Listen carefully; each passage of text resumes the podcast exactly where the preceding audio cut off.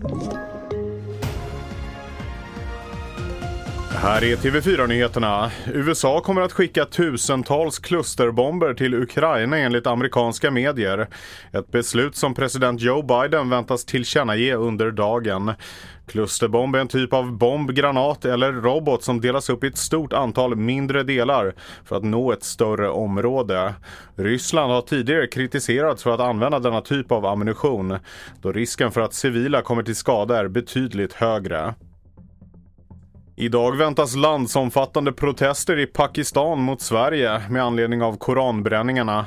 Protesterna har uppmanats på bred front från premiärminister Sharef Shabas till landets mest extrema islamistgrupper. I tv-sänt framträdande i parlamentet på torsdagen ifrågasatte premiärministern att den svenska polisen tillät att människor brände koraner. Han har tidigare sagt sig vara både äcklad och förfärad av det inträffade. Störst demonstrationer väntas i Lahore och Karachi. Runt om i landet finns 2400 fartkameror och förra året fångades 330 000 fortkörare på linsen. Av dessa kunde 250 000 utredas men nu släpper polisen siffror som visar att endast 42 procent av dessa kunde lagföras.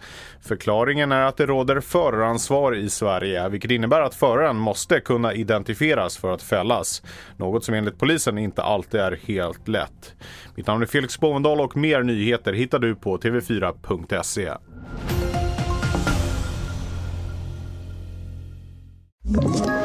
Ett poddtips från Podplay. I podden Något Kaiko garanterar östgötarna Brutti och jag, Davva, dig en stor dos skratt. Där följer jag pladask för köttätandet igen. Man är lite som en jävla vampyr. Man har fått lite blodsmak och då måste man ha mer. Udda spaningar, fängslande anekdoter och en och annan arg rant. Jag måste ha mitt kaffe på morgonen för annars är jag ingen trevlig människa. Då är du ingen trevlig människa, punkt. Något Kaiko, hör du på Podplay. Därför arkadeinerna.